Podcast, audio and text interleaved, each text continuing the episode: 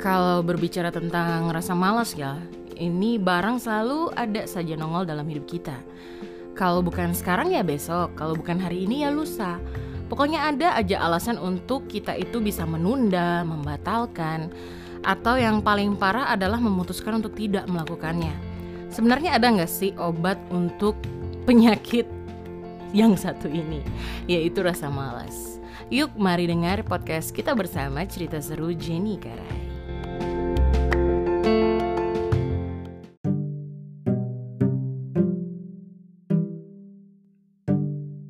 Hai teman-teman pendengar podcast kita bersama Cerita seru Jenny Karai. Setelah sekian purnama dan bulan berganti Baru deh kita ketemu lagi dalam episode yang baru ini. Menjelang tutup tahun jadi kepikiran untuk Jangan sampai banyak yang kira nih podcast ini mati karena episodenya stuck. Oh, no no no no. Jadi di sisa minggu menjelang 2022, cie, kita mau masuk 2002 nih. Jenny Karai akan terus update podcast ini. By the way, terima kasih banget buat teman-teman yang sudah dan sedang memutar episode podcast ini. Tanpa kalian semua, maka podcast ini bakal jadi biasa-biasa aja sih. Tapi karena kamu orang, wih, podcast ini jadi luar biasa. By the way, gimana nih kabarnya teman-teman? Kita masih berada dalam masa pandemi ya jadi rempong sebenarnya agak berasa jenuh tapi hmm, mau kena covid no thank you ya jadi jangan lupa untuk terus mengutamakan protokol kesehatan nih dari mencuci tangan jaga jarak pakai masker makan makanan yang sehat juga selain itu uh, selain imun ya Imannya juga diperhatikan ya teman-teman. Bingung saya tuh virus nih dan update diri tuh sampai bagaimana sampai sekarang sudah ada varian Omicron ya. Semoga teman-teman yang mendengarkan podcast ini beserta Jiri Karai selalu sehat bahagia selalu deh. Amin.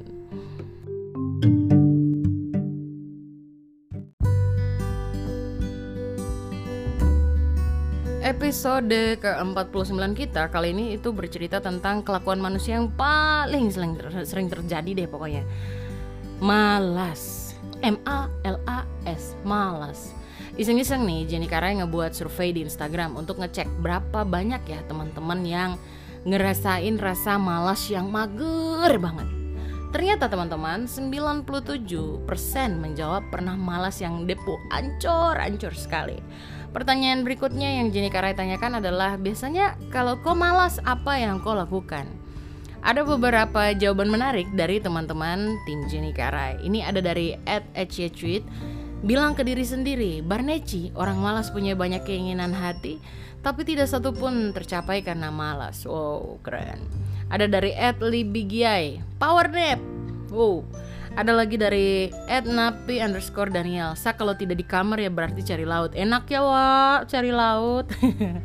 Terus ini lagi ada dari @lavery.elswood Istirahat sejenak sambil lakukan hobi kakak. Setelah itu baru reminding apa yang membuat Sam melakukan hal ini. Kalau gitu pasti motivasi awal bakal bangkit lagi. Nice. Ada lagi dari Ed Cecilia Meroje Nonton Youtube kak tutor makeup, hot how to cook some food and the way to learn English for young learner. Oh nice. Dan yang terakhir ada dari Ed Julie underscore Lana 8793 putar lagu kesukaan pancing mood kembali netral. Lalu lanjutkan aktivitas kembali. Banyak sekali buat teman-teman uh, yang ngebahas tentang hal ini tapi Jenny Kara harus cuma ngambil beberapa. Semoga nanti di podcast podcast berikutnya teman-teman yang namanya belum pernah masuk di podcastnya Jenny Karai itu bisa masuk.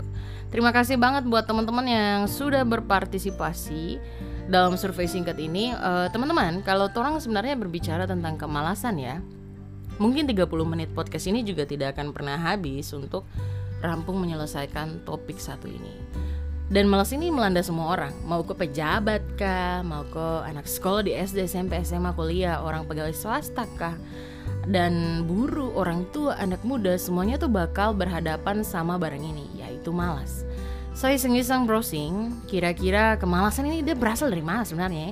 Kenapa sampai dia ada di bumi ini? ada hal menarik yang saya dapatkan. Pertama, ada penelitian dari University of Missouri yang menyebutkan bahwa rasa malas itu berasal dari gen. Uh, menarik. Luar biasa sekali sampai rasa malas juga ada dalam manusia punya gen ya. Ada juga yang menyebutkan bahwa kemalasan merupakan salah satu dosa pokok dari tujuh dosa utama manusia. Serius banget ya, Wak. Terus ada lagi nih, ada penelitian dari Oxford University juga yang bilang kalau kemalasan ini disebabkan karena area premotor pada otak tidak menyala sehingga tidak memunculkan sinyal ke otot besar dan proksima di tubuh. Koneksi otak yang menghubungkan keputusan untuk melakukan sesuatu menjadi sebuah tindakan menjadi tidak efektif pada orang yang malas sehingga muncul rasa malas bergerak, lelah, dan lemas. Karena otak harus melakukan upaya lebih keras untuk mengubah keputusan yang diambil menjadi tindakan untuk bergerak. Yang terakhir ini ada juga dari jurnal Cerebral dari jurnal Cerebral Cortex yang diterbitkan oleh Oxford Academic pada tahun 2012. Dong melakukan sebuah studi dan menemukan bahwa tingkat dopamin di otak juga dapat berdampak pada motivasi seseorang dalam melakukan sesuatu. Kesimpulannya sebenarnya teman-teman bahwa secara sains, secara kultur, secara kepercayaan, kemalasan ini jadi sebuah problem sebenarnya. Dan memang bisa dijelaskan secara uh, sains gitu. Tapi di podcast kali ini saya akan berdebat sebenarnya tentang dia berasal dari mana, yang benar, yang mana yang salah, yang mana tidak dan bagaimana dia bisa muncul. No no no no. Saya akan lebih memberikan insight kalau one day kamu diserbu rasa malas lagi apa sih hal-hal yang bisa ketong buat agar ketong bisa menang lawan rasa malas itu? Teman-teman mungkin malas dalam porsi kecil itu tidak begitu signifikan ya dia punya efek dalam tong punya diri. Tapi kalau rasa malas ini datang untuk hal yang berurusan dalam hal pekerjaan. Deadline apalagi kalau kok konten kreator wih deadline itu penting cuy. Kuliah misalnya ada tugas sekolah bisa jadi rentetan ke belakangnya tuh bisa berefek fatal loh. Bisa dari kehilangan klien kehilangan uang dan kehilangan kepercayaan sampai kok bisa terlalu lulus. Terseru tuh kalau kok terlalu lulus mata kuliah hanya gara-gara kok malas. Masih bagus terlalu lulus mata kuliah. Kalau sampai kok terlalu lulus sidang akhir beh ngeri sekali. Harus bayar iuran lah kok nyusahin orang lain lagi. Orang lain yang harusnya tidak usah rempong-rempong jadi rempong karena kok nyusahin kok punya diri sendiri pada akhirnya. Makanya kadang tuh peribahasa yang bilang sedikit-sedikit jadi bukit itu memang benar. Karena hal itu juga berlaku dalam rasa malas. Sedikit-sedikit malas malasnya dari yang kecil-kecil dan sederhana lama-lama jadi bertumpuk kemudian akan balik menyusahkan ku punya diri sendiri ku mau kai sama malas. Saya kasih saya punya cerita pribadi dalam episode ini ya tentang rasa malas karena beberapa bulan ini saya punya rumah itu cuma saya saja yang tinggal. Jadi kadang jadi seenaknya sendiri. Naruh barang dan nyusun segala hal kalau pas capek banget nih, pakaian kotor ya saya lempar begitu saja. Pakaian yang sudah dicuci, kering, tidak dilipat, setaruh saja di atas tempat tidur. Rumah juga kalau pas weekend baru dibersihkan. Tumbuh-tumbuhan juga jadi jarang disiram. Pokoknya my house my rule. Tapi kamu tahu kan Rada, awalnya tuh memang enak-enak sekali. Eh, kok tinggal lempar-lempar begitu saja. Tapi lama-lama tuh saya sendiri susah. Saya sendiri susah karena semua itu yang bersihkan pada akhirnya saya sendiri Bayangkan pakaian-pakaian yang sudah saya cuci bersih, tapi saya cuma buang begitu saja. Itu kalau lama-lama, lama-lama, lama-lama pakaian bersih menumpuk. Siapa yang mau lipat? Tidak ada, cuma saya sendiri di rumah. Mau harap siapa coba? dan apa ya saya kembali lagi kayak macam style anak kosan begitu kok teramasa kok teramakan sio tercuci pakaian yo terhadap pakaian bersih buat berjalan jadi dia punya rasa tuh macam kerja barang yang sama dua kali bodoh-bodoh. Nah itu saya punya cerita pribadi teman-teman tentang orang punya topik. Setelah saya merenung saya pikir kembali ya elah saya bikin susah sendiri sendiri sekali. Sebenarnya ada beberapa hal yang buat saya akhir akhirnya ya bisa belajar mengatasi rasa malas ini. Hal ini juga bisa teman-teman praktikan ketika rasa malas yang sangat besar goda kamu orang yang pertama, pikirkan segala akibatnya. Waktu malas terus kau berpikiran untuk menunda untuk melakukan hal yang seharusnya kau kerjakan. Coba deh pikirkan rentetan akibatnya ke belakang, eh ke belakang, ke depan. Uh, itu yang saya lakukan seperti yang saya cerita di atas. Kalau saya terlalu cuci pakaian, ih saya nanti terkena ada punya pakaian bersih untuk keluar. Masih bagus kalau cuma keluar uh, rumah nongkrong ya, tapi kalau ke kantor dan lain-lain, ih ndak sopan dan gerah kan tidak masak tidak bisa makan coba bayangkan mau harap siapa he rempong Terus pergi ke kampus buat absen gaji bisa dipotong Waktu teman-teman uh, memikirkan rentetan konsekuensinya ke belakang, coba deh pikirkan kembali. Apakah worth it sebenarnya kalau saya ini mager? Apakah worth it kalau saya ini malas? Apakah worth it akibatnya yang saya tanggung ketika saya membiarkan saya punya diri itu berlarut-larut dengan saya rasa malas? Hmm, itu bisa jadi perenungan sebenarnya. Dan lebih pilih mana? Mager atau ke urus masalah yang nanti bakal disebabkan di kemudian hari. Yang kedua, evaluasi gaya hidup dan makan kita. Males juga bisa disebabkan karena Tong punya gaya hidup Misalnya Tong suka sekali tidur dini hari Jam 2, jam 3 baru Tong tidur Oke lah kalau satu hari aja ya. Tapi kok bayangkan kalau dalam satu minggu kok melakukan hal seperti demikian. Otomatis waktu kau bangun di pagi hari ya pasti kau punya energi itu tidak benar-benar full untuk menghadapi hari itu. Malas juga bisa disebabkan loh karena tong punya perbuatan sendiri. Dan itu karena tong punya fungsi otak dan organ itu tidak sepenuhnya jadi maksimal karena tong kelakuan. Makanan pun juga demikian teman-teman. Ingat selalu bahwa tidak semua makanan enak itu sehat kadang ketemu pengen yang goreng-goreng manis-manis yang gimana-gimana tapi ternyata itu nggak sehat juga kalau setiap hari ketemu konsumsi kayak begitu. Sudah ada keasupan sayur yang masuk atau proteinnya bagaimana itu juga bisa mempengaruhi teman-teman punya uh, rasa malas. Yang ketiga manajemen stres. Coba deh teman-teman perhatikan baik-baik dalam tiga bulan belakangan ini aja deh. Bagaimana kau menghadapi stres entah di tengah keluarga, sekolah maupun tempat kerja? Apakah tengah tekanannya itu banyak karena memang tuntutan profesi? Atau bisa jadi stres ini juga disebabkan karena Tong tuh paling hobi malas Jadi batunda-tunda bareng sampai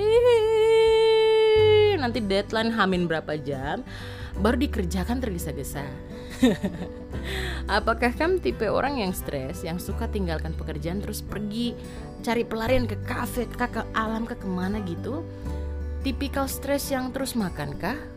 Atau tipe yang mana?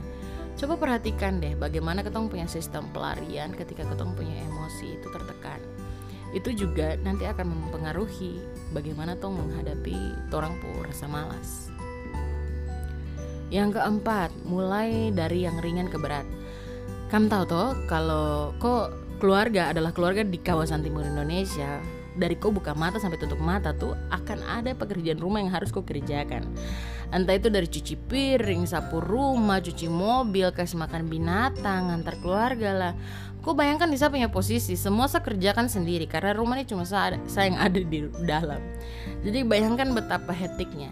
Coba deh kalau teman-teman uh, juga senasib seperti saya atau mungkin tidak tidak seperti saya ada ada teman-teman ada keluarga yang lain ada saudara yang lain coba deh mulai dari yang ringan ke berat kalau yang berat kok pikir duluan saya pastikan kok pasti langsung surasa badan lo ya tapi ketika yang ringan kau kerjakan saya pastikan kau pasti akan bangga dan senang sama kau punya diri dan itu jadi kekuatan serta motivasi buat kau untuk merampungkan pekerjaan lainnya Nah, teman-teman, Ketong kalau bicara tentang perkara malas, satu jadi ingat Amsal 21 ayat 25. Dia punya bunyi begini.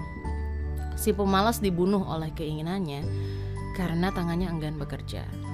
Pada akhirnya teman-teman, jangan sampai gara-gara rasa kecupling ini, rasa kecupling ini itu udah bikin tong punya hidup itu susah di kemudian hari. Oke, sampai di sini dulu teman-teman podcast cerita seru Jenny Karai. Jangan lupa empat poin yang sudah saya cerita di atas untuk orang bisa menghadapi rasa malas. Yang pertama, pikirkan segala akibatnya. Is it worth it for me? Nah, itu yang pertama. Kedua, evaluasi gaya hidup dan makanan yang kita konsumsi. Ketiga, lihat kita punya manajemen stres selama ini kayak bagaimana. Dan yang terakhir yaitu mulai dari yang ringan ke berat. Terima kasih banget buat teman-teman yang sudah mendengarkan podcast ini. Di mana pun kamu orang berada tetap jaga diri, utamakan protokol kesehatan. Kalau kau merasa terinspirasi, dapat insight baru dengan podcast ini, jangan lupa bagikan di kau punya Instagram story tentunya. Jangan lupa tag at Jenny Karaya. Dan kamu juga bisa dengarkan podcast ini ke kau punya teman-teman agar kamu sama-sama bisa jadi remaja-remaja keren dan bijak di mana pun kamu berada. Dan jangan lupa juga untuk follow, subscribe, favoritkan, like, dan beri review yang baik ya di Spotify, Anchor, atau Apple Podcast.